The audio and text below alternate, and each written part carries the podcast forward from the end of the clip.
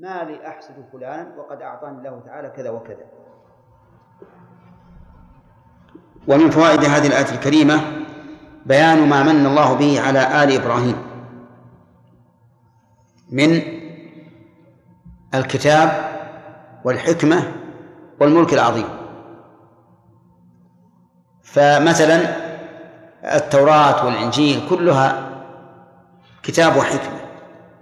والملك العظيم من أعظم من ترونه أعطي ملكا من بني إسرائيل؟ سليمان عليه السلام. فإنه أعطي ملكا عظيما حتى قال هب لي ملكا لا ينبغي لأحد من بعدي لعظمته. ومن فوائد الآية الكريمة أن الله عز وجل له التصرف في ملكه بما يشاء فإنه يقبض ويبسط. لقوله فقد آتينا آل إبراهيم وآتيناهم ملكا عظيما.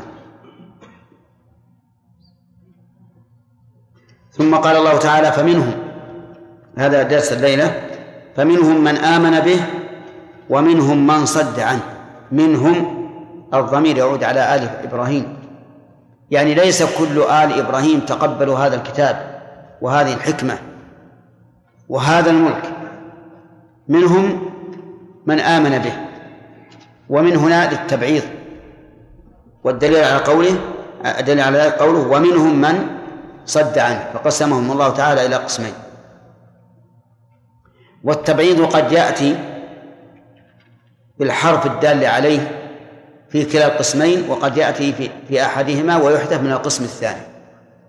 مثل قوله تعالى فمنهم شقي وسعيد. المعنى فمنهم شقي ومنهم سعيد لأنه لا يمكن أن يكون شقي وسعيد في آن واحد. ولكنها حذفت من من القسم أو القسيم الثاني. فمنهم من آمن به وقبله وآمن بالكتاب والحكمة وشكر النعمة على الملك ومنهم من صد عنه صد عنه فلم يؤمن به ولم يشكر الله على هذه النعمة والملك العظيم. وقول من صد عنه صد هذه تستعمل لازمة ومتعدية. فاللازمة بمعنى أنه صد عنه بنفسه والمتعدية أنه صد غيره عنه. وكلا الوصفين ثابتان لهؤلاء. فهم صادون عنه بأنفسهم وهم صادون غيرهم عنه. حتى إن حتى إن بني إسرائيل يدعون أن سليمان بن داود عليه الصلاة والسلام ليس نبيا ولكنه ملك واسع الملك قوي الملك قوي السلطان وليس بنبي. وكذلك داود يرون أنه ليس بنبي ولكنه ملك والصواب أنهم أنهم من الرسل والأنبياء. ولكن الله تعالى أعطى أعطى سليمان ذلك الملك العظيم. ثم قال وكفى بجهنم سعيرا. يعني ما أعظم السعير الذي يحصل لهؤلاء بجهنم.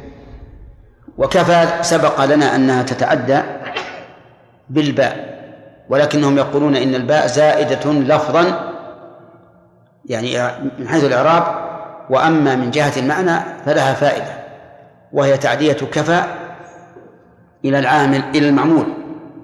ويقولون إن الباء حرف جر زائد وأن لفظ وأن جهنم في هذه الآية هي الفاعل أي كفت. وأن سعيرا إيش؟ تمييز. طيب. والسعير بمعنى المسعر أو بمعنى الساعر وكلاهما يدل على الإحراق العظيم. في هذه الآية الكريمة من الفوائد أن الناس ينقسمون فيما يعطيهم الله تعالى من نعم الدين والدنيا إلى قسمين. قسم يؤمن وقسم يكفر. وهذا هو سنة الله كما قال الله تعالى هو الذي خلقكم فمنكم كافر ومنكم مؤمن. ولو شاء الله تعالى لجعل الناس أمة واحدة ولكن من رحمته أن جعلهم يتفرقون حتى يعلم الله يعلم الله الصادق من الكاذب وحتى يقوم وحتى يقوم وحتى يقوم عالم الجهاد وحتى يقوم الأمر بالمعروف والنهي عن المنكر وحتى يعرف المؤمن قدر نعمة الله عليه بالإيمان وحتى يجتهد المؤمن أن يثبته الله عز وجل حتى لا يكون مثل هؤلاء. والحاصل أن الله سبحانه وتعالى جعل الناس إلى قسمين لحكم عظيمة. ومن فوائد هذه الآية الكريمة أن الذين لم يؤمنوا به أعرضوا عنه وصدوا الناس عنه أيضا. لقوله ومنهم من صد عنه وقد ذكرنا أنها تستعمل لازمة ومتعدية وأنها في هذه الآية صالحة على الوجهين. ومن فوائد الآية الكريمة تعظيم إحراق النار لقوله وكفى بجهنم سعيرا ومن فوائدها أن من صد عن ما أعطاه الله من الكتاب والحكمة فإنه يكون من حطب جهنم والعياذ بالله. ثم قال إن الذين كفروا بآياتنا سوف نصليهم نارا. وقال بعدها والذين آمنوا وعملوا الصالحات. وهكذا طريقة القرآن مثاني. يعني إذا جاء ذكر أهل النار جاء ذكر أهل الجنة. إذا جاء ذكر المتقين جاء ذكر المجرمين وهكذا. حتى يكون الإنسان سائرا إلى الله بين الخوف والرجاء وحتى لا يمل لو كان الكلام على نسق واحد. قال إن الذين كفروا بآياتنا سوف نصليهم. كفروا بها أي جحدوها وأنكروها. وأصل المادة كفر من الستر والتغطية ومنه سمي الكفر الذي هو غلاف طلع النخل. وقوله بآياتنا يشمل الآيات الكونية والآيات الشرعية. فمن الكفر بالآيات الشرعية تكذيب الرسل وعدم الالتزام بما جاءت به الرسل من الشرائع ومن الآيات الكونية الكفر بالآيات الكونية أن ينسب هذا الكون إلى غير الله أو يقول إن الله إن أحدا أعان الله فيه أو يقول إن أحدا له فيه شرك. كل هذا من من التكذيب بالآيات.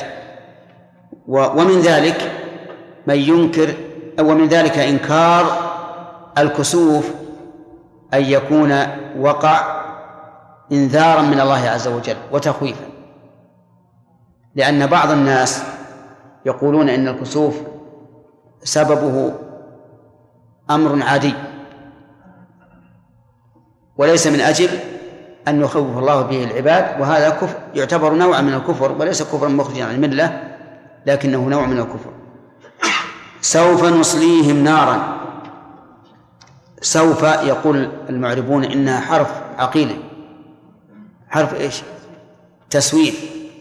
يعني تدل على تحقق وقوع الشيء لكن بعد زمن. لأن التسويف بمعنى التأخير. ومنه قولهم سوف في التوبة. سوف بالتوبة يعني أخرها. فمعنى سوف يعني أنهم سوف يصلون لكن بعد زمن. وقوله نصليهم نارا أي نجعلهم يصلونها حتى تحرقهم. كلما نضجت جلودهم بدلناهم جلودا غيرها ليذوقوا العذاب. كلما نضجت النضج معناه بلوغ الغاية في, الكمال يعني أنها إذا نضجت من الاحتراق واحترقت فإنها تبدل جلودا غيرها غير الأولى لأن الأولى احترقت وزالت. لماذا؟ ليذوقوا العذاب. أي الألم. لأن الجلد إذا احترق صار حائلا دون بقية الجسم فلا فلا يحسون بالنار. لكن إذا بدل بجلد آخر جديد حينئذ أحسوا بحر النار أعاذنا الله وإياكم منها. فهم كلما نضجت بدلناهم وكلما حرف شرط يدل على التكرار. يعني أنهم دائما وأبدا كلما نضجت الجلود بدلوا جلودا غيرها. لهذه الحكمة ليذوقوا العذاب إن الله كان عزيزا حكيما. العذاب يعني الألم الذي يعذبون به. إن الله كان عزيزا حكيما. كان فعل ماضي لكنه لا يراد بها الزمن فهي تدل على تحقق الاتصاف بهذا بما دل عليه خبرها بدون التقيد بزمن. ولهذا يقولون إنها مسلوبة الزمان في هذا. لماذا؟ لأننا لو قلنا إنها دالة على الزمان لكان العز لكانت العزة والحكمة قد انتهت وذهبتا وقوله عزيزا العزيز قال العلماء إن له ثلاثة معاني. الأول عزة القدر والثاني عزة القهر والثالث عزة الامتناع. أما عزة القدر فمعناها أنه ذو قدر عظيم. لا يماثله شيء. وأما عزة القهر فمعناها أنه الغالب القاهر لكل ذي جبروت. وأما عزة الامتناع فمعناه الممتنع عن كل عيب ونقص وسوء. ومنه قولهم أرض عزاز. يعني صلبة. صلبة ممتنعة عن الرخاوة. وكل هذه المعاني وربما يحتمل معاني أخرى أيضا كلها ثابتة لله. قل لله العزة جميعا. وأما الحكيم فإنه مشتق من الحكمة وهي الإحكام والإتقان ومن الحكم. وهو القضاء والفصل. والله سبحانه وتعالى حكيم ذو حكمة بالغة وحكيم بمعنى حاكم فاصل بين عباده. ترجع الأمور كلها إليه كما قال الله تعالى ألا له الحكم وهو أسرع الحاسبين. وليعلم أن حكم الله سبحانه وتعالى ينقسم إلى حكم كوني قدري وحكم شرعي ديني. أما الحكم الكوني القدري فمثلوا له بقوله تعالى عن أحد إخوة يوسف فلن أبرح الأرض حتى يأذن لي أبي أو يحكم الله لي. يريد بذلك حكما قدريا لا حكما شرعيا لأن الله تعالى لم يمنعه شرعا من الرجوع إلى أهله. ولكنه يريد بذلك أن يحكم له حكما قدريا. وأما الحكم الشرعي فدلالته فدليله ومثاله قوله تبارك وتعالى في سورة الممتحنة لما ذكر ما ذكر من الأحكام قال ذلكم حكم الله يحكم بينكم. هذا حكم شرعي. وقد يجتمع القسمان في آية واحدة. مثل قوله تبارك وتعالى له الحكم وإليه ترجعون. ومثل قوله ألا له الحكم وهو أسرع الحاسبين. ومثل قوله أليس الله بأحكم الحاكمين? فالمهم أن الحكم حكم الله عز وجل ينقسم إلى كوني قدري والثاني شرعي ديني. وذكرنا لكل واحد دليلا ولكل واحد مثالا. وذكرنا ما يجمع القسمين. وكل ذلك موجود في القرآن. فإن قال قائل أيهما الذي يكون نافذا في العباد ولا بد؟ الكوني أو القدري؟ آه، أو الشرعي؟ الكوني القدري. هذا نافذ في العباد ولا يمكن أحد أن يعاند فيه أو يمانع فيه. وأما الحكم الشرعي الذي يحكم الله فيه بين في العباد فمن العباد من يقبل ويقوم به ومن العباد من لا يقبل ولا يقوم به. الحكمة وهي أحد المعنيين في قوله حكيما مأخوذة من الإحكام وهو إتقان الشيء. فالشيء المحكم هو الشيء المتقن.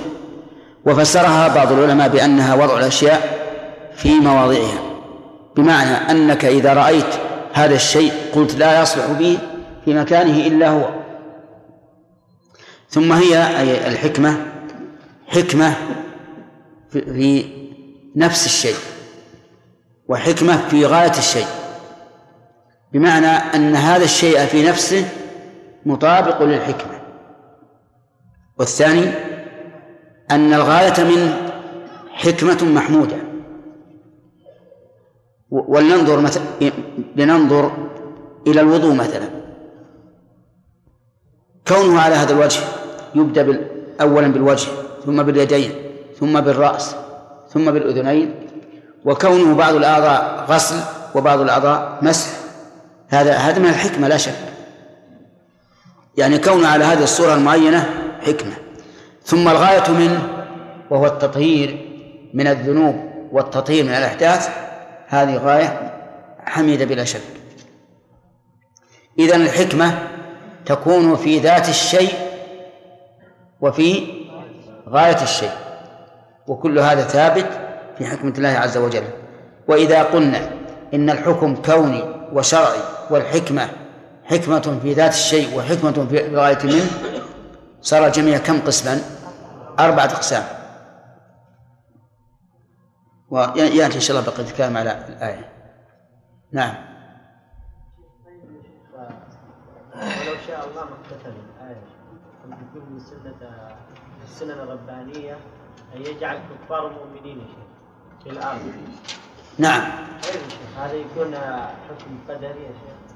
أي نعم. هذا حكم قدري يقوم به الحكم الشرعي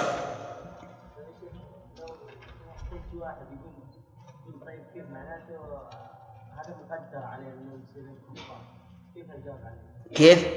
لو واحد يحاج إي نعم يقول معناته الله سبحانه وتعالى حكم عليهم انهم يصيروا كفار نعم كيف رد عليه؟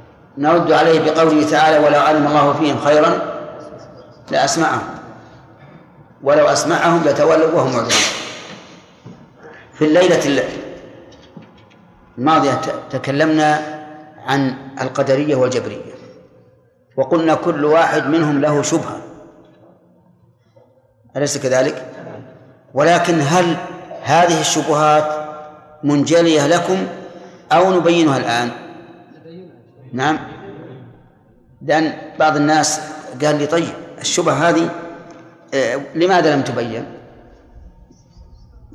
ذكرنا أن شبهة القدرية شبهة القدرية أن الله سبحانه وتعالى قال ولنبلونكم حتى نعلم المجاهدين منكم والصابرين ونبلو أخبارهم حتى نعلم. إذن هو الآن إيش؟ لا يعلم. طيب. الجواب على هذا أن نقول علم الله سبحانه وتعالى علم ينقسم إلى قسمين علم بما سيكون وعلم بما كان. فهو يعلم أن هذا العبد سوف يقوم بما أمر به أو أن هذا العبد لن يقوم بما أمر به. أليس كذلك؟ العلم بما سيكون لا يترتب عليه ثواب ولا عقاب لأن الم... لأنه لم يوجه إلى المكلف شيء فيه. فلا يترتب عليه ثواب ولا عقاب.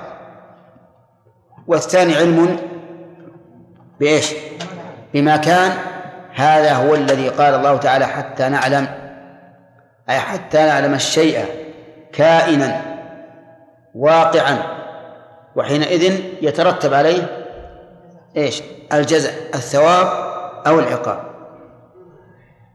ويدل ويدل لذلك أن الله سبحانه وتعالى بين في آيات كثيرة أن الله تعالى قد علم كل شيء.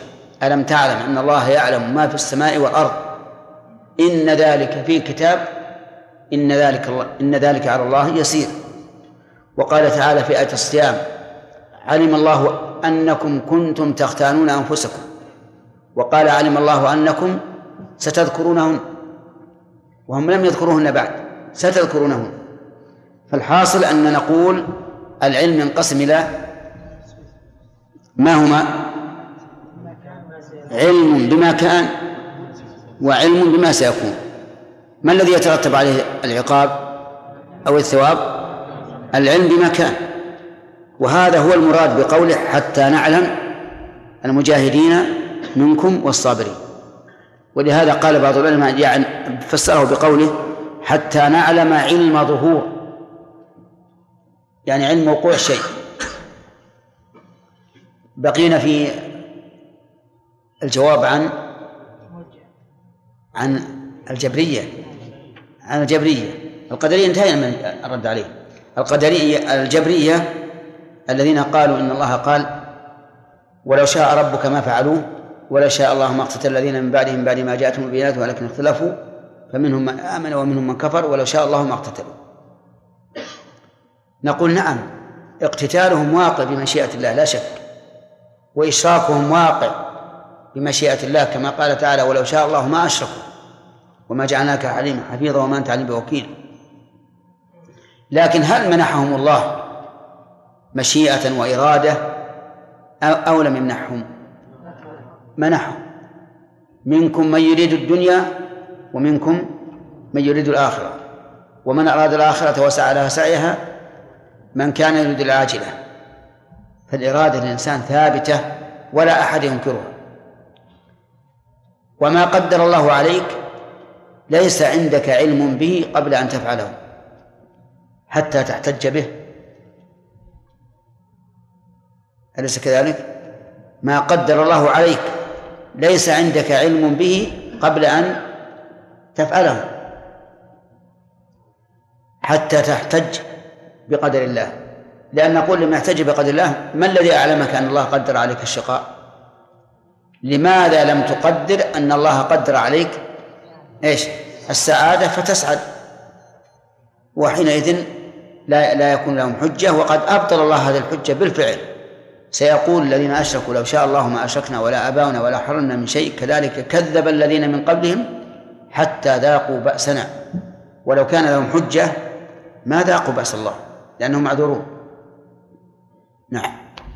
نعم عمر. ولو شاء الله ما اقتتلوا نسبة الاقتتال إليهم. نعم. ألا تدل على أن أن لهم مشيئة؟ بلى. تدل على أن الفعل فعلهم. نعم. قول الله تعالى بدلناهم جلودا غير. هل يعني بدلناهم تجديد تجديد الجلد نفسه أو جلود غيره؟ نعم. يخلق جلدا جلدا جديدا. غير الجلد الأول اللي احترق شيء. نعم. آخر واحد. رأي- رأينا في بعض الأمصار أناسا يدعون العلم ولا يصلون ولا يأمرون بالمعروف ولا ينهون عن المنكر ولا يزكون. ويحتجون بقوله تعالى الذين إن مكناهم في الأرض الآية. وشيخ قلنا لهم أن النبي صلى الله عليه وسلم صلى في مكة وهو لم يمكن له آنذاك فقالوا هذا على سبيل الاستحباب. حسب إيش؟ الاستحباب ليس على سبيل اي لأن القرآن هو الذي يهيمن. نعم. فأما الذين في قلوبهم زيغ فيتبعون ما تشابه منه. هذه يخبر الله بها عن شيء مستقبل ولا ينصرن الله من ينصره. إن الله لقوي عزيز الذين إن مكناهم في الأرض أقاموا الصلاة وآتوا الزكاة وأمروا بالمعروف ونهوا عن المنكر. فيقال لهؤلاء إن الله وعد الذين ينصرون الله بهذا. بالنصر. وأنتم الآن لا تأمرون بالمعروف ولا تنهون عن المنكر فلستم مستحقين للنصر. إذا كنتم تريدون النصر فافعلوا ذلك. مروا بالمعروف وانهوا عن المنكر وأقيموا الصلاة وآتوا الزكاة. بارك الله فيك. ذكرت الآن أنهم سيمثلوا جلود غير طيب هل ستكون اجسامنا يوم القيامة هي الاجسام التي عليها الان؟ إيش؟ اجسامنا الآن التي نحن عليها الآن يعني الأجسام هذه هل ستكون يوم القيامة هي هي؟ لا تكون أع... تكون أعظم أعظم. يعني نقول ستون أعظم. يقول جاء في الحديث الصحيح أن ضرس الواحد منهم مثل جبل أحد والعياذ بالله. توسع أبدانهم لأجل شدة العذاب. شيخ لو أورد علينا قدر شبهة وقال قال تعالى ولو شئنا لآتينا كل نفس هداها ولكن حق القول مني لأملأن جهنم من الجنة والناس قدري ولا جبل جبل نعم.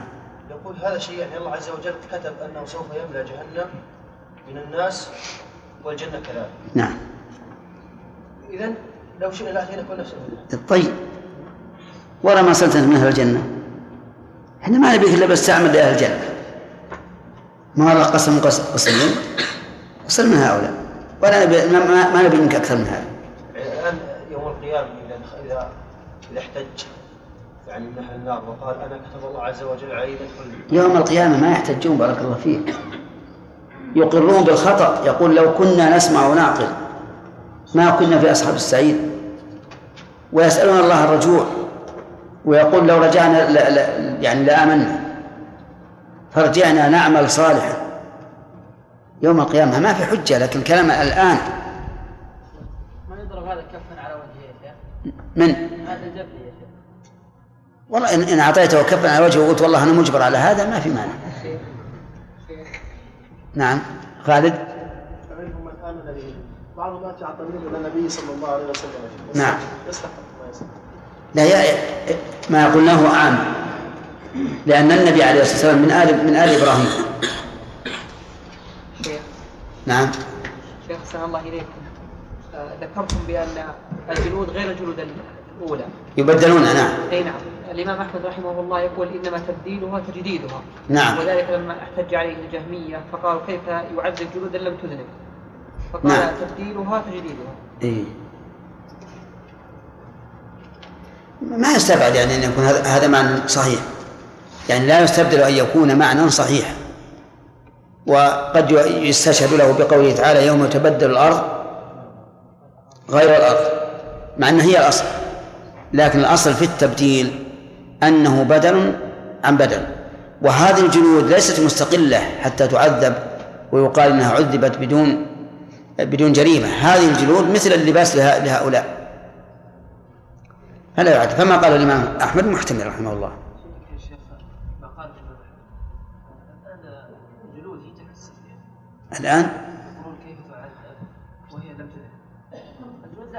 تحس الإنسان هو الإنسان هو يشعر بالعذاب والجلد يقول الآن الأطباء بالسعاد ما أدري هل هل مؤكد ولا لا. إن اللي داخل الجلد ما هو ما, ما يتألم. ما يتألم. وأن الألم للجلد فقط. يعني عكس ما تقول أنت. نعم. والله جعل الجلد يتألم لأجل أن يحس الإنسان بما بما يصيبه. لكن اغرز الإبرة الآن أول ما توجس في الجلد لكن في في- في اللحم الداخلي ما تحس به. ثم من نعمة الله إن اللحم الداخلي ما فيه إحساس. لو فيه إحساس واتجه اقطعها الخبز تمشي مع الأمعاء الدقيقة يقدر الواحد ينام. الآن لو تجي ذرة على على جلده ما يستطيع. لو تمشي ذرة على جلده وهو نائم ما يستطيع يجي- ما يجيه النوم. لكن ما بالك بالأشياء هذه أنها تجري في في, في, ال- في الأمعاء الدقيقة؟ نعم. ولهذا من حكمة الله سبحان الله العظيم كل ما تأمل الإنسان في حكمة الله رأى العجب العجاب. إذا صار هذا هذا الطعام متهيأ للخروج أحس به الإنسان. يعني إذا استأذن جاء عند الباب تحس به لكن قبل أبدا. يتردد في هذه الأمعاء الدقيقة الملتوية بعض على بعض ولا تحس به. هذه أظن السياق. تسجيل أن ينقلوا هذا الرد على القدرية والجبرية إلى درس البخاري كتبه إمداد. ها؟ أي نعم. المهم إلى الدرس الذي تكلمنا فيه هذا. طيب. وغيره إيش؟ بعض الناس إيه. المعجزات العلميه وغيره إيه. ويرجعها القران إذا كانت الآيات تحتمل هذه المعجزات العلمية فلا مانع. لا أنا قلت إذا كانت تحتمل. أما إذا كان مجرد وهم فلا. يعني مثل لما وصلوا إلى القمر قالوا إن هذا يدل عليه قوله تعالى آه، يا معشر الجن والإنس إن استطعتم أن تنفذوا مقدار السماوات والأرض فانفذوا. هذا مو صحيح. ها؟ لا لا بد من ثبوت الدلالة. وإلا فلا يجوز. الله أكبر الله. آه السلام عليك أيها النبي. هذا دعاء. السلام علينا وعلى عباد الله الصالحين. دعاء. اللهم صل على محمد اللهم بارك على محمد. أعوذ بالله من عذاب جهنم. كل هذه دعاء. وكذلك بين السيدتين اللهم اغفر رب اغفر لي وارحمني. كلها جملة دعائية. ها؟ هذا النزي. يقول هل يعتد بشهادة المرأة الواحدة في رؤيته إلى رمضان؟ الجواب نعم. يعتد بها لأنها خبر ديني كما لو أخبرت بغروب الشمس مثلا.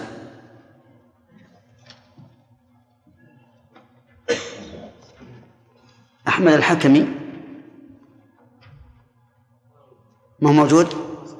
ها؟ وين هو طيب. يقول اشكل عنا فضيلة الشيخ في بعض المسائل الفقهية اختلاف المحدثين والفقهاء فيها فما هو الضابط الترجيح في مثل هذه المسألة؟ أما طالب العلم الصغير والعامي فيتبع من يت... من يرى أنه أوثق في علمه ودينه.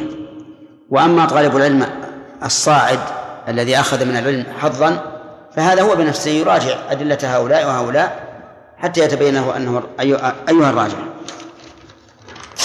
باقي واحدة تسمحون فيها طيب.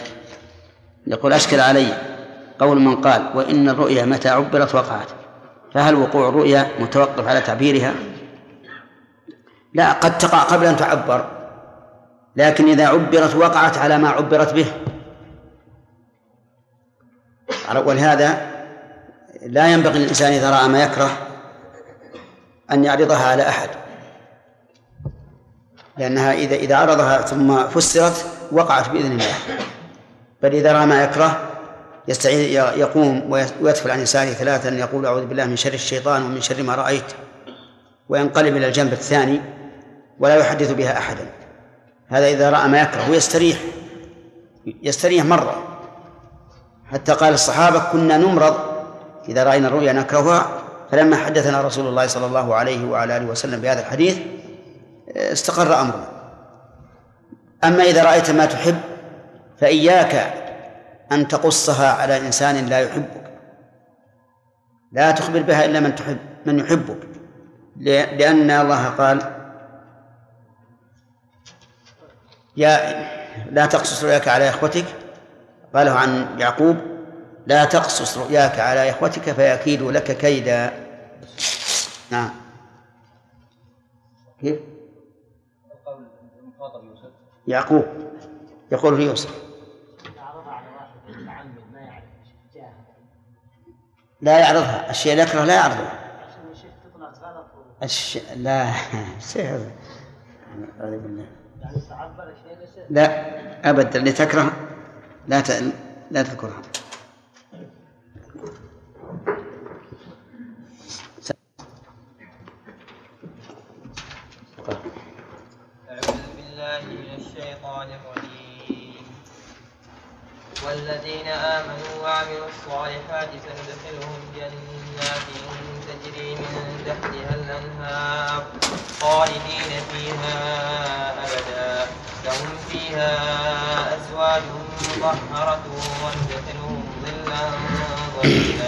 أعوذ بالله من الشيطان الرجيم.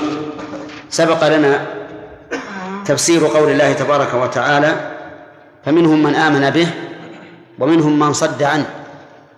فإلى أي مرجع يعود الضمير في قوله فمنهم من آمن به خالد. من آمن بآل إبراهيم؟ من آمن بآل إبراهيم؟ أنا لست أسأل عن فمنهم لا أسأل عن الضمير في قوله فمنهم. أسأل عن الضمير في قوله به.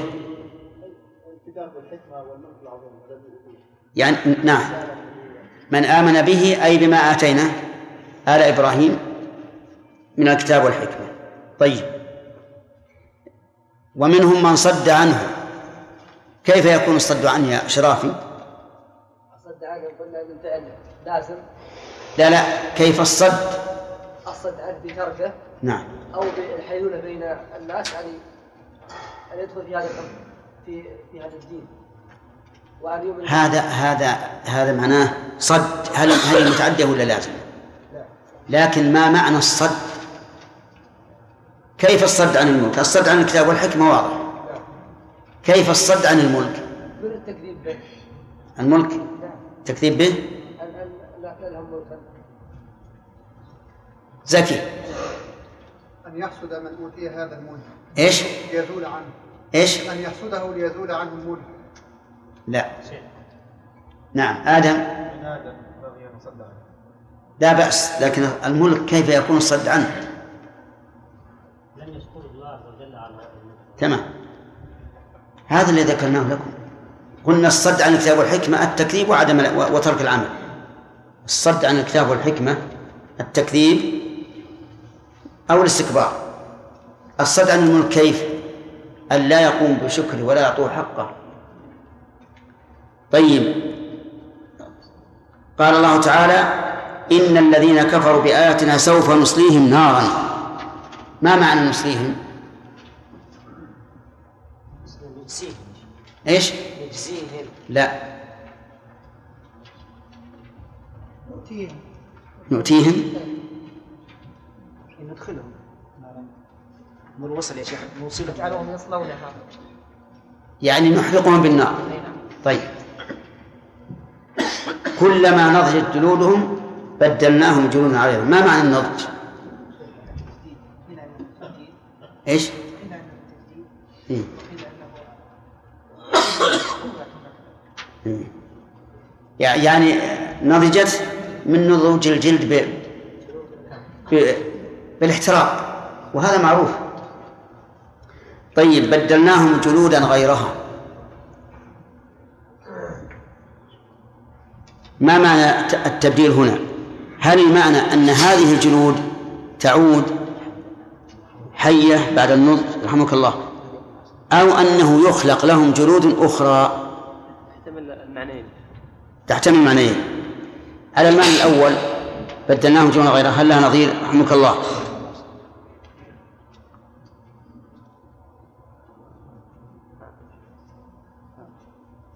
عمر.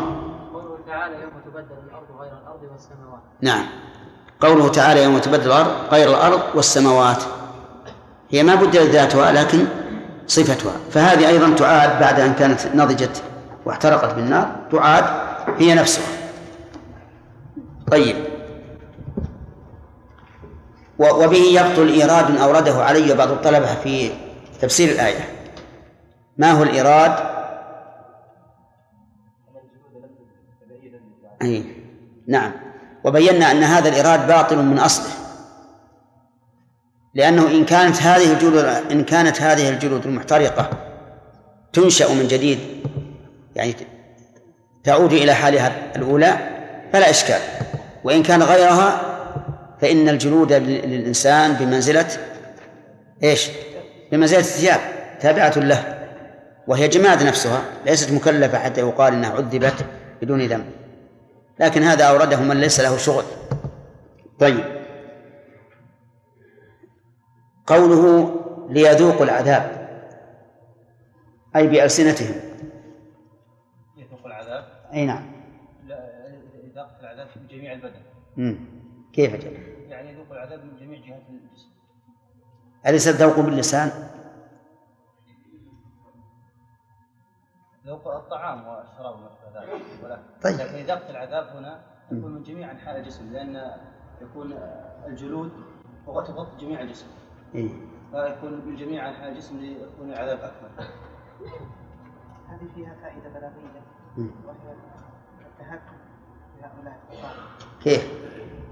جعل كانه جعل العذاب شرابا لذيذا أو اكلا جميلا يتلذذ به هذا الذوق لأن اعظم ما الانسان كناية يعني عن تحقق هذا الشيء كما يتحقق الإنسان اللقمة إذا ذاقها أو الشراب إذا ذاقه.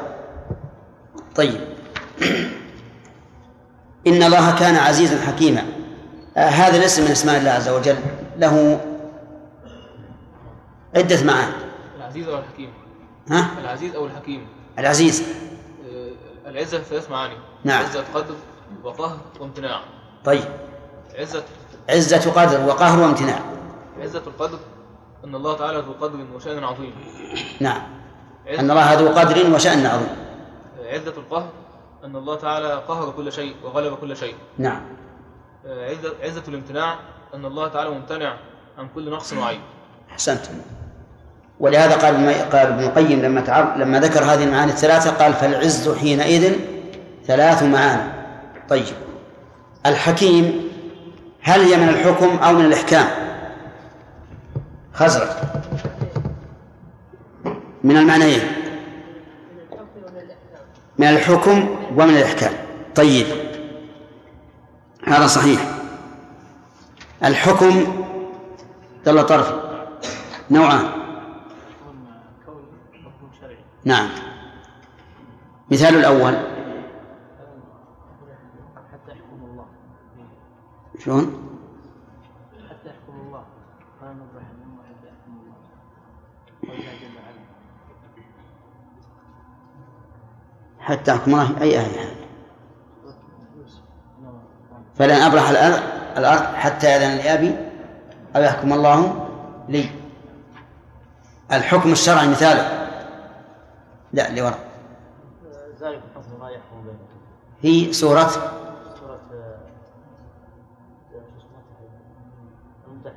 الممتحنة. لما ذكر أحكام المهاجرات وما يتعلق بذلك قال ذلك حكم الله يحكم بينكم. طيب قوله تعالى ومن أحسن من الله حكما سليم. آه، هل يراد بالحكم الكوني أو الشرعي؟ فقط.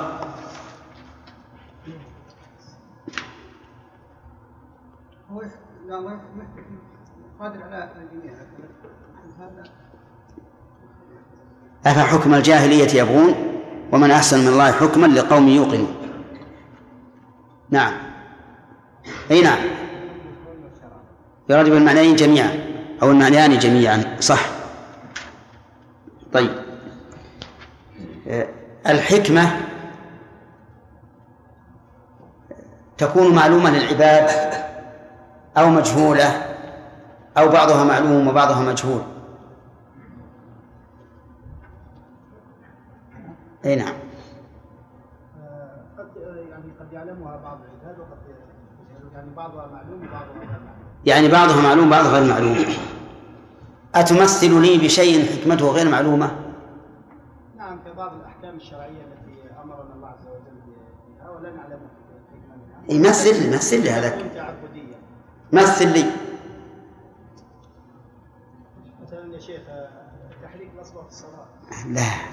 إشارة للعلو لعلو الله كما ذكر شيخ الإسلام ابن تيمية ذكر لهذا حكمة ولكن على المذهب لم يذكر حكمة لم يذكر ذلك حكمة كما لماذا لا تقول الصلاة الظهر أربعة؟ لماذا لم تكن ستا نعم. مثلا لماذا يعني الصلاه عاد عاد- يعني عدد ركعات الصلاة غير معلوم لنا. صح؟ طيب. من الحكم المعلومة علي؟ من الحكم المعلومة؟ نعم. مثل آه، تخصيص السجود بقول سبحان ربي الأعلى. نعم. حيث أنه خصص السجود بقول سبحان ربي الأعلى. نعم نزول الإنسان نعم. يناسب أن يدعو الله في العلو المنزه عن علو الله سبحانه المنزه عن السفور. تمام. هذه هذه من من الاشياء اللي هي معلومه طيب. اخذنا الفوائد أظن. وإن الذين كفروا ما أخذناها كلها؟ ما أخذنا فوائدها. طيب من فوائد الآية الكريمة قوله تعالى إن الذين كفروا بآياتنا إلى آخره الوعيد على من كفر بآيات الله بالنار. ومن فوائدها أن من كذب أو من كفر ببعض الآيات فله نصيب من هذا الوعيد. حسب كفره.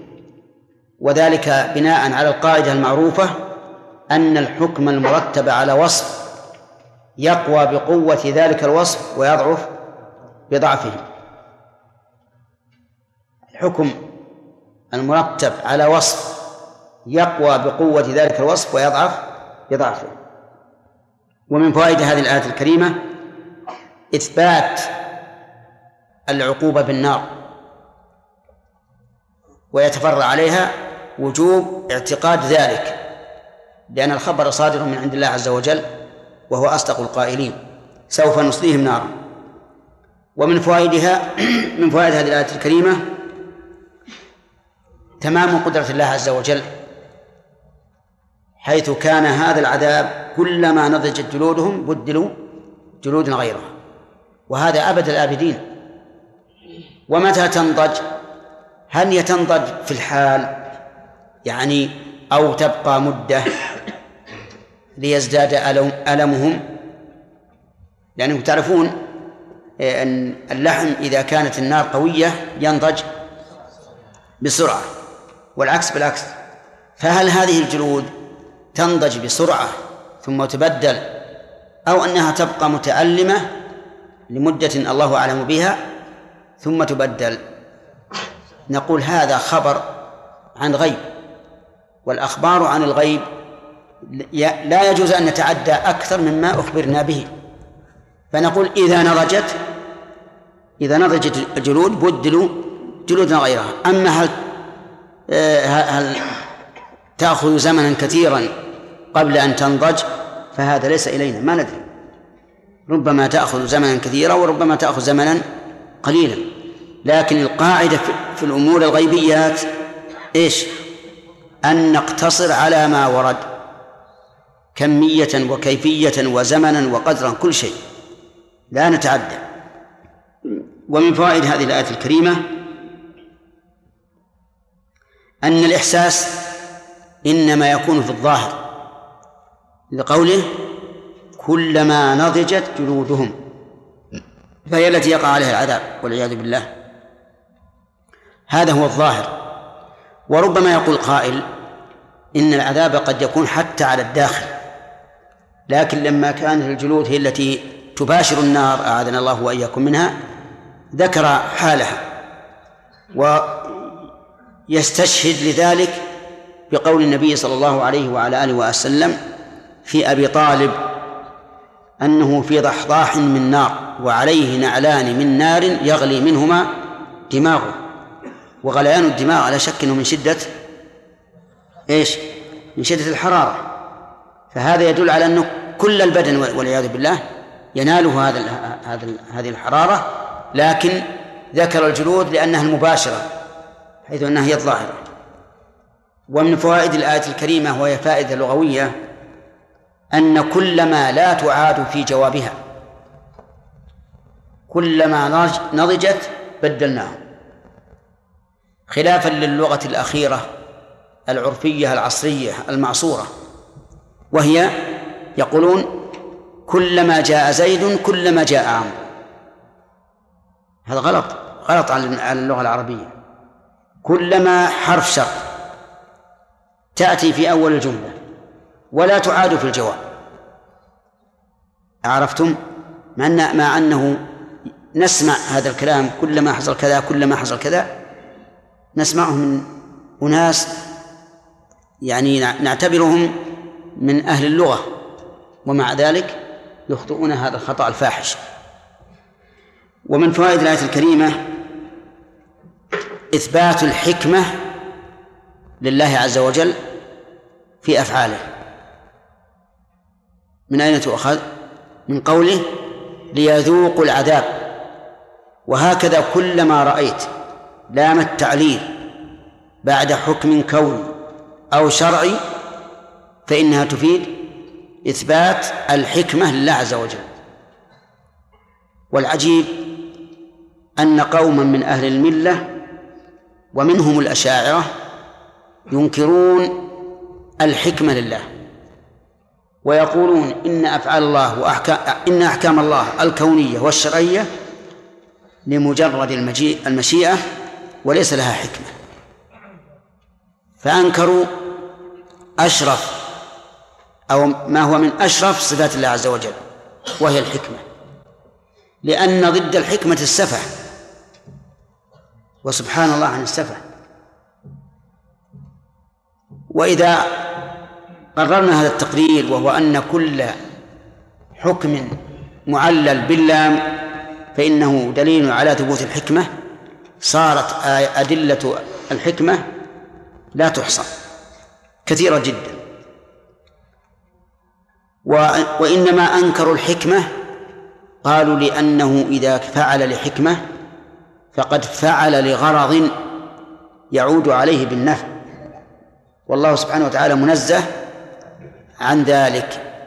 سبحان الله كيف زين الشيطان هذا التركيب؟ إذا فعل لحكمة فالحكمة غرض. ومن فعل لغرض فهو محتاج إليه والله تعالى منزه عن ذلك. فيقال إن الله عز وجل يفعل الحكمة يفعل لحكمة لا لنفع يعود عليه ولكن لنفع يعود على العباد. ليس ليس لشيء يعود إليه نفسه أبدا. هو مستغنى عن ذلك. ما يريد الله أن يجعلكم من حرج ولكن يريد إيش؟ ليطهركم. التطهير عائد النفع علينا لنا ولا ولا لله؟ لنا. وهكذا بقية الأشياء. وإذا كان لمصلحة الغير كان ذلك دليلا على كرمه وجوده عز وجل. وهذا كمال. وليس بنقص بحال من الأحوال. ومن فوائد الآية الكريمة إثبات غضب الله عز وجل.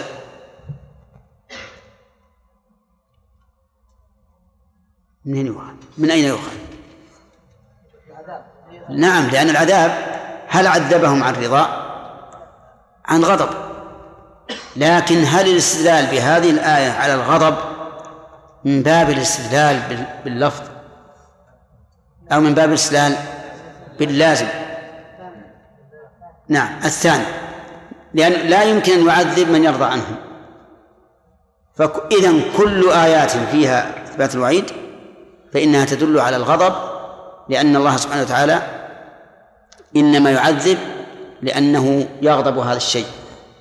ولكن لا يلزم انتبهوا لا يلزم مثلا لمن فعل معصية واحدة أن نقول إن إن الله يغضب من من هذا من هذا الفعل المعين. لا لأن الفعل المعين لا نثبت له الغضب المعين إلا إلا بدليل. وإلا لو قلنا إن كل فعل محرم يعني إثبات الغضب لصارت جميع المحرمات كبائر. لأن ما ما ثبت به الغضب فهو من كبائر الذنوب كما ذكر ذلك أهل العلم. ومن ومن فوائد الآية الكريمة إثبات اسمين من أسماء الله وهما العزيز والحكيم. وما تضمناه من من صفة صفة العزة وصفة الحكمة. ثم باجتماع الاسمين وما تضمنه من الصفة وصف زائد وصف زائد. وذلك لأن من له العزة والغلبة قد تأخذه العزة بالإثم فلا يكون في تصرفه حكمة. فجمع الله بين إيش؟ بين العزة والحكمة ليتبين أن عزته عز وجل لا تنافي الحكمة خلافا لما يكون من الخلق. فإن الإنسان إذا غلب وانتصر ربما يتصرف تصرفا ينافي الحكمة. إذا يؤخذ من الجمع بين الاسمين معنى آخر زائدا على ما دل عليه كل اسم على حدة وهو أن عزة الله عز وجل مقرونة بالحكمة. وكذلك حكمته مقرونة بالعزة. لأن الإنسان قد يكون ضعيفا فتكون الحكمة أن يتضاعف وأن يستذل ولكن الله عز وجل منزه عن ذلك. عرفتم هذا ولا لا؟ إذا كان الإنسان ضعيفا فالحكمة أن يستدل أمام القوي أو أن يقوى أمامه. لا الأول. الآن لو دخل الإنسان على الأمير لو دخل الإنسان على الأمير هل هو على طول يقول يا فلان أنت ظلمتني ما أعطيتني حقي؟ لا أو الحكم يقول أطال الله بقاءك على طاعته أيها الأمير المحترم الموقر المعظم. نعم. ويأتي بأشياء تسهل الأمور. هذا هو الثاني. لكن حكمة الله عز وجل مقرونة بإيش؟ بالعزة. إذن قرن العزة بالحكمة. له فائدة وقرن الحكمة بالعزة كذلك له فائدة. ولما ذكر الله سبحانه وتعالى حال أهل النار أعاذني الله وإياكم منهم قال والذين آمنوا وعملوا الصالحات. والقرآن مثاني تثنى فيه المعاني. إذا ذكر فيه أهل النار ذكر فيه أهل الجنة وإذا ذكرت النار ذكر الجنة وإذا ذكر الحق ذكر الباطل وهكذا وهذا هو أحد المعاني في قوله تعالى الله نزل أحسن الحديث كتابا متشابها مثاني يقول عز وجل والذين آمنوا وعملوا الصالحات ومثل هذا التركيب موجود في القرآن بكثرة. يقدم الله الإيمان على العمل الصالح لأن العمل الصالح مبني على الإيمان. فعمل بلا إيمان لا فائدة منه. فالمنافقون يعملون يذكرون الله ويصلون ويتصدقون ولكن ليس عندهم إيمان فلا ينفعهم ولهذا يقدم الله عز وجل الإيمان على العمل الصالح لأن العمل الصالح إيش؟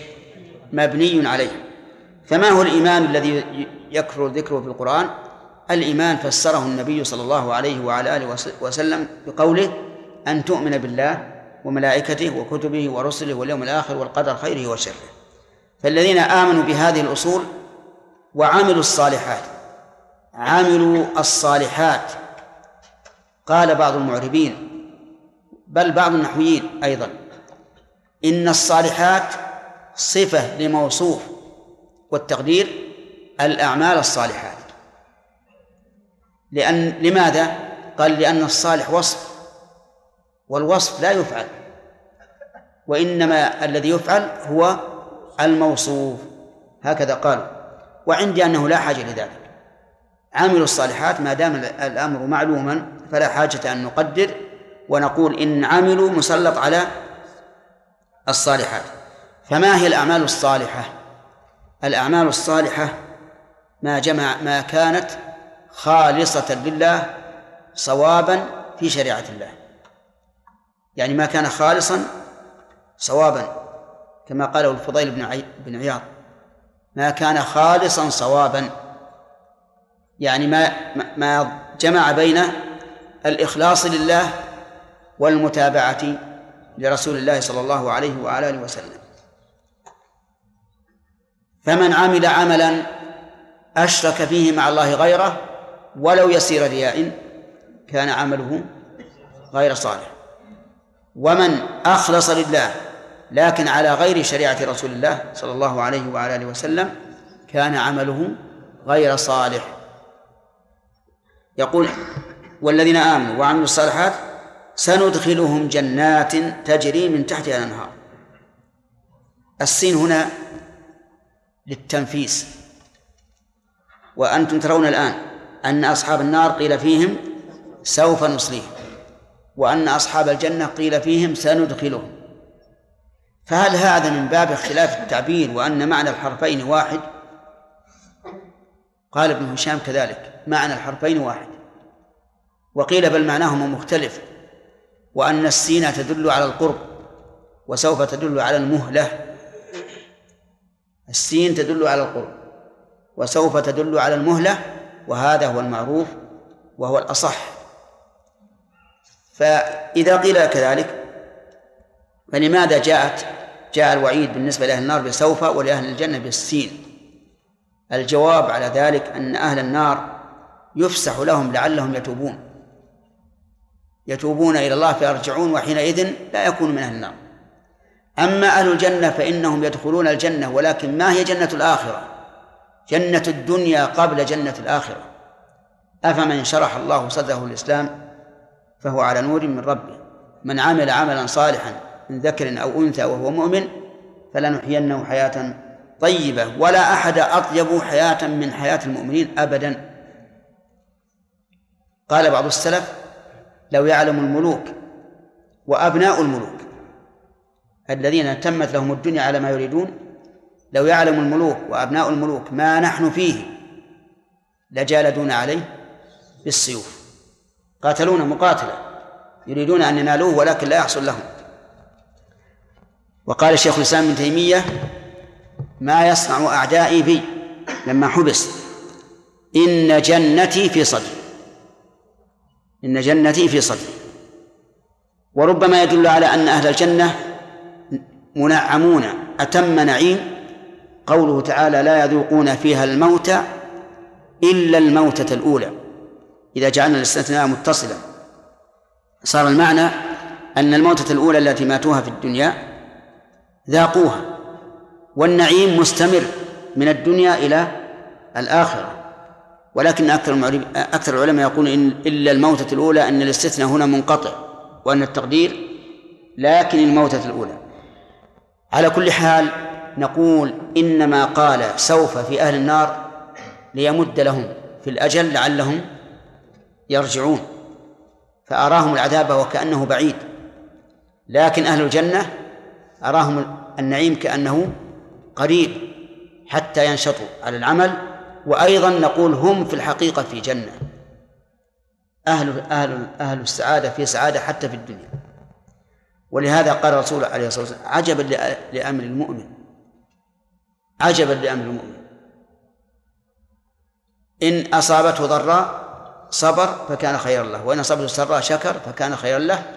فكل أمره خير. كل أمره خير.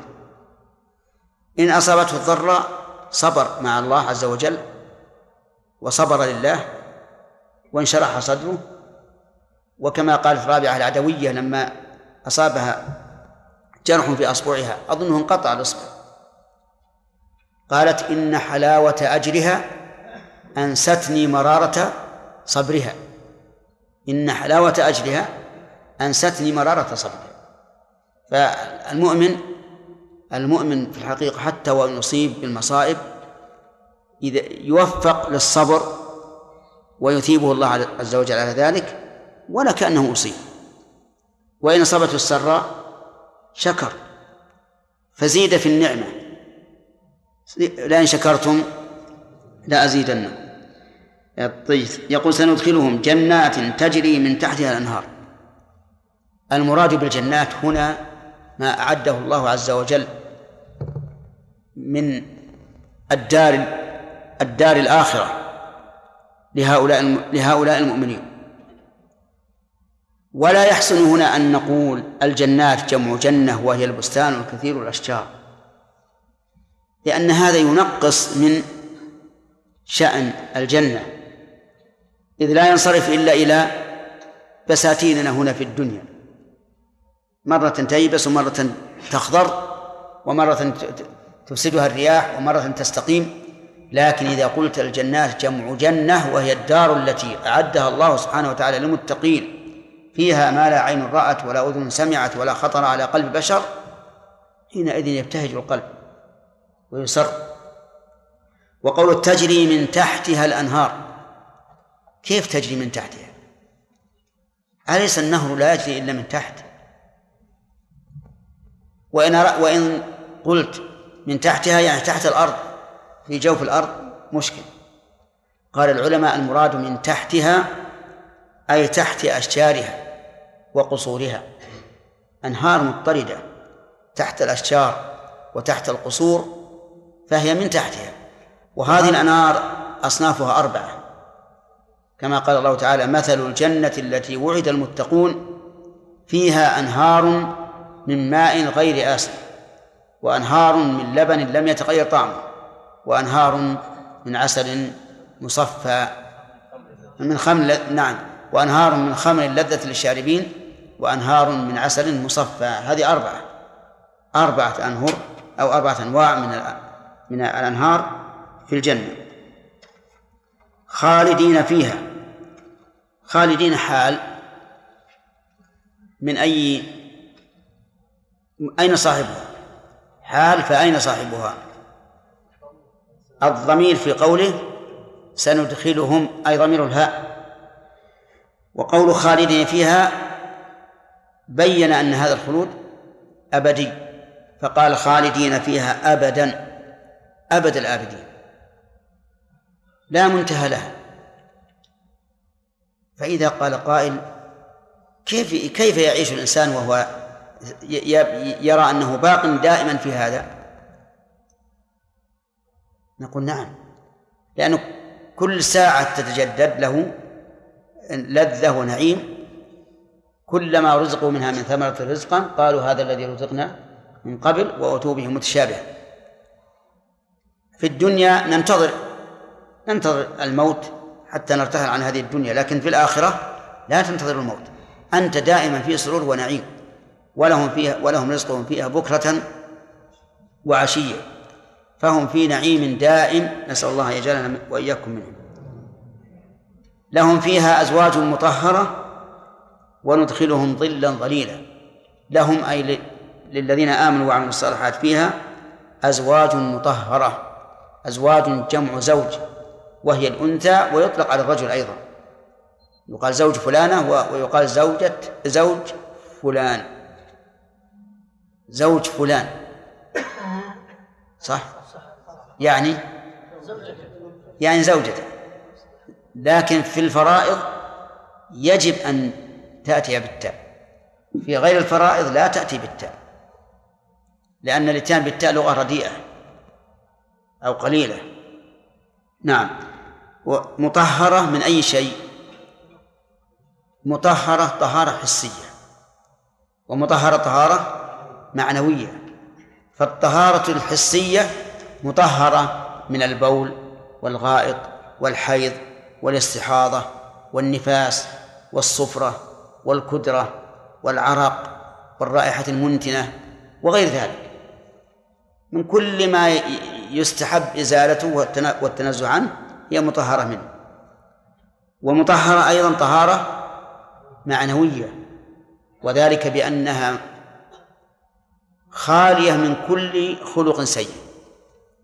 لا غضب ولا تكره للزوج ولا كراهة ولا عصيان ولا كفرار في وجهه فهي مطهرة من كل خلق من كل خلق رذيل ومن كل أذى وقدر فالطهارة إذن حسية ومعنوية.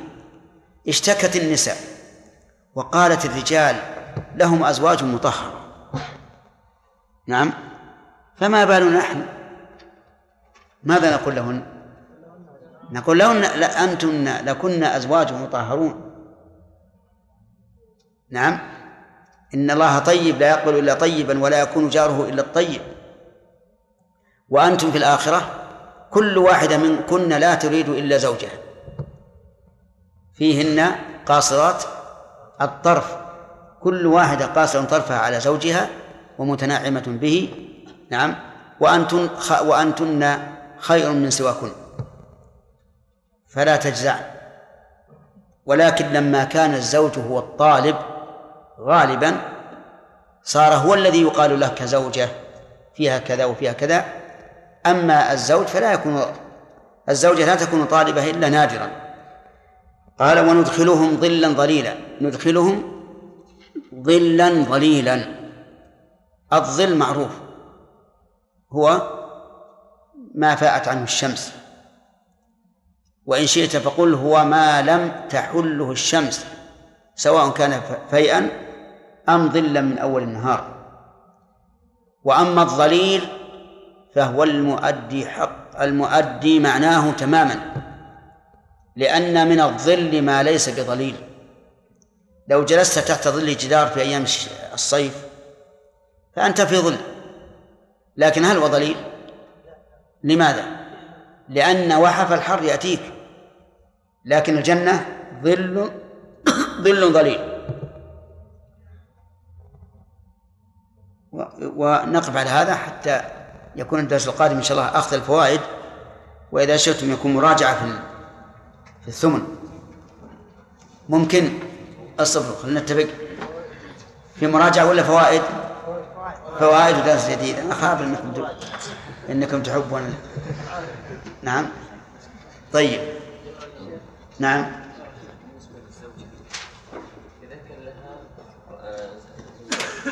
نعم. يقول زوجة لها زوجان.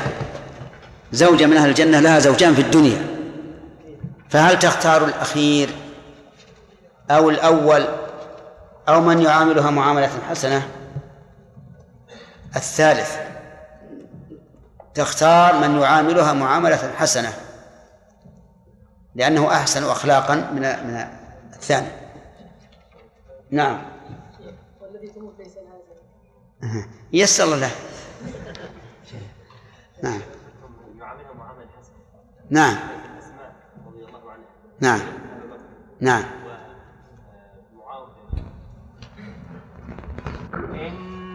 الله يأمركم أن تؤدوا الأمانات إلى أهلها. وإذا حكمتم بين الناس أن تحكموا بالعدل إن الله نعم ما يعظكم به. إن الله كان سميعا بصيرا. يا أيها الذين آمنوا أطيعوا الله وأطيعوا الرسول وأولي الأمر منكم. فإن تنازعتم في شيء فردوه إلى الله والرسول. إن كنتم تؤمنون بالله واليوم الآخر ذلك خير وأحسن تأويلا. أعوذ بالله من الشيطان الرجيم. قال الله تبارك وتعالى إن الله يأمركم أن تؤدوا الأمانات إلى أهلها. أي فوائد؟ ها؟ الآية الماضية؟ قال الله تعالى والذين آمنوا وعملوا الصالحات سندخلهم إلى آخره. في هذه الآية الكريمة فوائد منها أن الإيمان لا يتم استحقاق دخول الجنة به إلا إذا قرن بالعمل الصالح. لقوله والذين آمنوا وعملوا الصالحات ولهذا يقرن الله سبحانه وتعالى بينهما كثيرا. فمن آمن وقال إنه مؤمن بالله وملائكته وكتبه ورسله لكن لا يعمل صالحا فإن الجنة غير مضمونة له. ولكن من الأعمال ما نعلم أنه لن يدخل الجنة إذا تركها مثل الصلاة. ومن فوائد الآية الكريمة أن العمل لا ينفع إلا إذا كان صالحا. والصالح ما تضمن شيئين الإخلاص لله والمتابعة لرسول الله صلى الله عليه وعلى آله وسلم. وإن شئت فقل الإخلاص لله واتباع شريعته ليكون هذا أعم إذ أن المعنى الأول قد يتوهم واهم أن المراد بالرسول محمد صلى الله عليه وعلى آله وسلم ولكن المراد أعم من هذا حتى الذين عملوا الصالحات حين كانت شرائعهم قائمة يدخلون في هذه الآية وغيرها. ومن فوائد هذه الآية الكريمة أن أن الله سبحانه وتعالى وعدهم هذا الوعد المؤكد بالسين سندخلهم جنات. ومن فوائدها أن الله تعالى عظم نفسه لأنه أهل للتعظيم. في قوله سندخلهم جنات.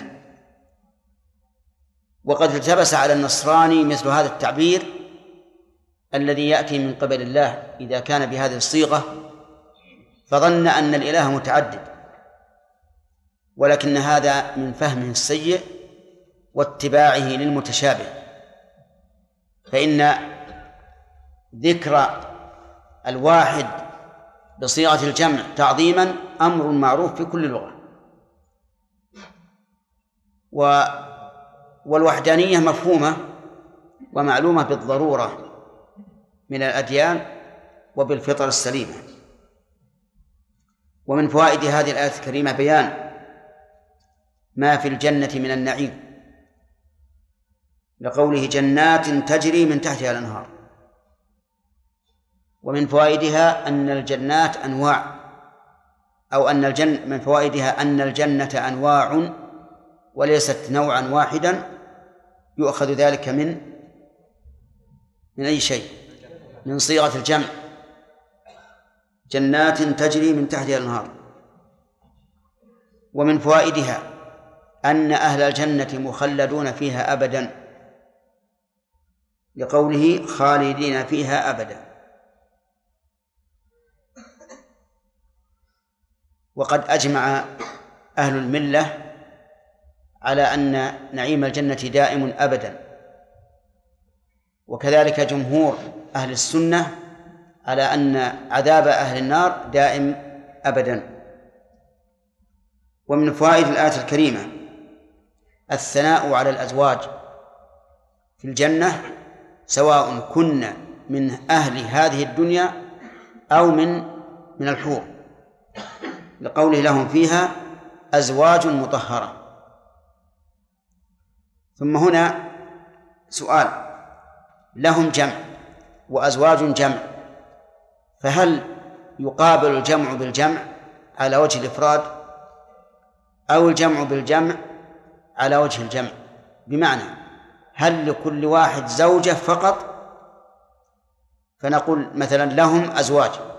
لو فرضنا عشرة قلنا لكم أزواج. هل المعنى أن أن لهؤلاء العشرة عشر زوجات عشر زوجات فقط؟ أو لكل واحد عشرة؟ مثل هذا يختلف فيه العلماء. هل يقابل كل فرد بفرد أو يقابل كل فرد بالجميع؟ فمن العلماء من قال يقابل كل فرد بفرد ومنهم من قال يقابل الجميع لكل فرد. لو قلت مثلا أمامي رجال قلت لكل واحد نعم لكم عشرة دراهم لكم عشرة دراهم هل المعنى أن العشرة توزع بينهم؟ أو المعنى لكل واحد عشرة؟ على الخلاف. فهنا لهم فيها أزواج. هل المعنى لكل واحد أزواج؟ أو المعنى لكل واحد زوجة واحدة؟ لكن الأزواج هنا قوبلت بالجمع في قوله لهم. يقال إن السنة دلت على أن الواحد له أزواج متعددة سواء من أهل الدنيا أو من ممن خلق الله في الجنة وهن الحور. ومن فوائد هذه الآية الكريمة الثناء على هؤلاء الأزواج وأنهن مطهرات من كل عيب حسي أو معنوي. ومن فوائد الآية الكريمة أن الجنة ليس فيها حر وإنما هي ظل ظليل لقوله تعالى وندخلهم ظلا ظليلا وجملة الآية فيها الحث على الإيمان والعمل الصالح لأن الله سبحانه وتعالى إنما ساق بيان إنما ساق بيان نعيمهم حثا على أن نعمل العمل الموصل إلى ذلك. وهل يستفاد من هذه الآية أن أهل الجنة ينعمون في الدنيا وفي الآخرة؟ لقوله سندخلهم لأن السين تدل على القرب. الجواب ذكرنا ذلك في التفسير وأن أصحاب الجنة هم في الجنة في الدنيا وفي الآخرة لأنه لا أحد أطيب عيشا من ممن آمن وعمل صالحا. ثم قال الله تعالى إن الله يأمركم أن تؤدوا الأمانات إلى أهلها.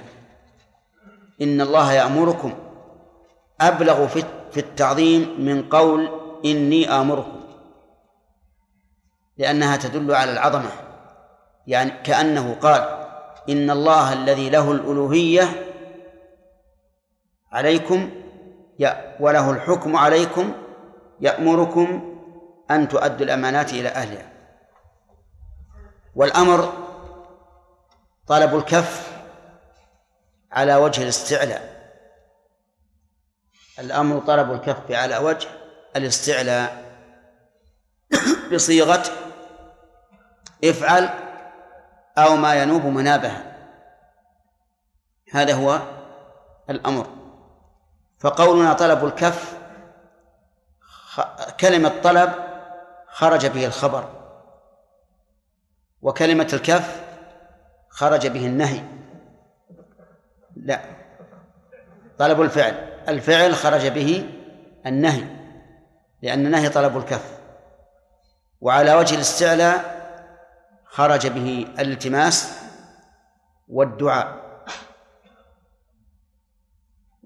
وقولنا على وجه الاستعلاء يشمل ما إذا كان الآمر عاليا حقيقة أو مستعليا ادعاء. انتبهوا. فالآن عندنا قيود. طلب خرج به إيش؟ الخبر لأنه ليس بطلب. الفعل خرج به النهي لأنه طلب الترك. على وجه الاستعلاء. خرج به الالتماس والدعاء. رابعا كلمة الاستعلاء ولم نقل على وجه العلو. ليشمل من ادعى العلو وإن لم يكن عاليا في الواقع.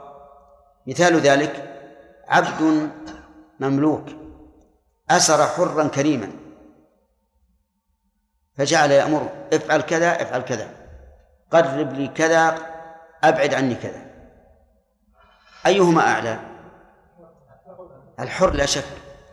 لكن هذا ادعى العلو لنفسه فاستعلى عليه. واضح؟ هذا ما هذا هو الأمر. وكل أمر موجه من الله للعباد فالأصل فيه أنه لطلب الفعل وأنه للوجوب لكن قد تخرج الأوامر عن غير ذلك للقرائن. أن تؤدوا الأمانات إلى أهلها الأمانات جمع أمانة وهي كل ما اؤتمن الإنسان عليه من أمتعة ونقود وأقوال وأفعال وغير ذلك. تؤديها إلى أهلها. ومن أهلها؟ أهلها الضابط في ذلك هم الذين أمرت بأدائها إليهم. فمثلا إذا قال لك شخص خذ هذه الدراهم أدها إلى فلان. من من المؤتمن؟ صاحب الدراهم. وأهلها؟ الذي أمرت أن أؤديها إليه. يعني فلا أؤديها إلى أحد غيره يكون تكون الأمانة بالقول. فأقول لك مثلا بلغ سلامي فلانا. فإذا قلت نعم فقد تحملت. فلا بد أن تؤديه. تؤدي إليه السلام. أما إن قلت إن نسيت إن ذكرت أو لا أتحمل فأنت بالخيار. لكن إذا قال بلغ سلامي فلانا فقلت نعم أبلغه. فلا بد أن تبلغه لأن هذه أمانة وقد أمرك الله أن تؤديها إلى إلى أهلها. وسيأتي إن شاء الله في بيان الفوائد أنواع الأمانات. وإذا حكمتم بين الناس أن تحكموا بالعدل. إذا حكمتم والحكم هنا الفصل. يعني إذا أردتم أن تفصلوا بين الناس في مشاجراتهم فاحكموا بالعدل. وبين الناس بين الناس. لم يقيد أناسا دون أناس فيكون عاما. حتى لو أراد الإنسان أن يحكم بين أبيه وبين رجل أجنبي فهو داخل في الآية. بين مسلم وكافر هو داخل في الآية لأن الآية عامة. بين الناس. أن تحكموا بالعدل. فما هو العدل؟ العدل في الأصل الاستقامة ومنه العصا المستقيمة التي ليس فيها ميل. ولا حكم أعدل من حكم الله. وعلى هذا فالحكم بالعدل أن تحكم بينهم بشريعة الله. هذا هو الحكم العدل. لأننا نعلم أنه لا أحد أحسن من الله حكما ولا أحد أعدل من الله فصلا. فإذا أن تحكموا بالعدل أي بإيش؟ أي بشريعة الله. فإن قال قائل ما وجه الارتباط بين قوله أن تؤدوا الأمانات إلى أهلها وقوله إذا حكمتم بين الناس؟ نقول لأن الأمانات كالمقدمة بين يدي الأحكام. فمنها مثلا الشهادة. الشهادة ويتحمل الإنسان. أن أن يخبر بحق غيره على غيره هذه تكون مؤداة عند من؟ عند الحكام. فكان تأدية الأمانات كالمقدمة بين يدي الحكم بين الناس. ثم أثنى الله على هذا الأمر فقال إن الله نعم ما يعظكم به. وفي نعم قراءتان نعم ونعم وأصلها نعمم لكن حصل فيها دوام إن الله نعم ما يعظكم به. والموعظة قال العلماء هي ذكر الأحكام مقرونة بترغيب أو ترهيب. ذكر الأحكام يعني تذكر حكم الله عز وجل مقرونا بترغيب أو ترهيب. إن كان طلبا فهو مقرون بالترغيب وإن كان نهيا فهو مقرون بالترهيب. إن الله نعم يعظكم به. إن الله كان سميعا بصيرا.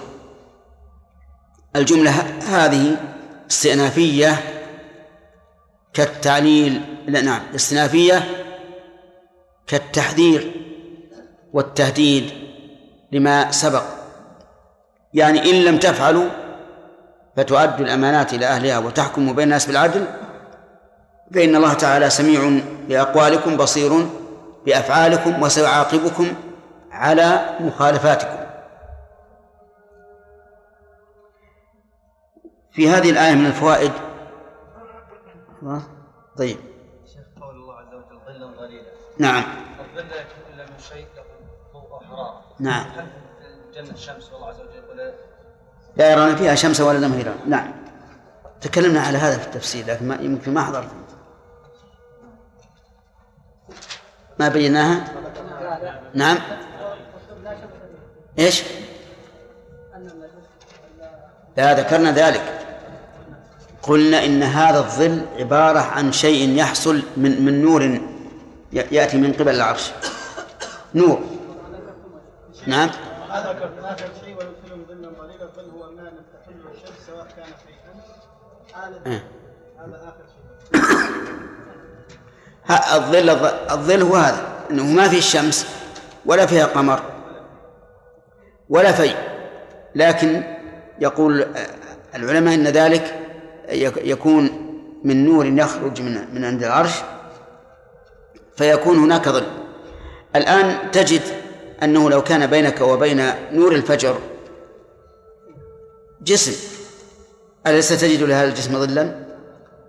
هو هذا. نعم. الصالح صلى الله عليه يسير الراكب في ظلها 100 عام نعم هو هذا. من هذا النوع. إما إما أن الرسول على سبيل التقدير يعني.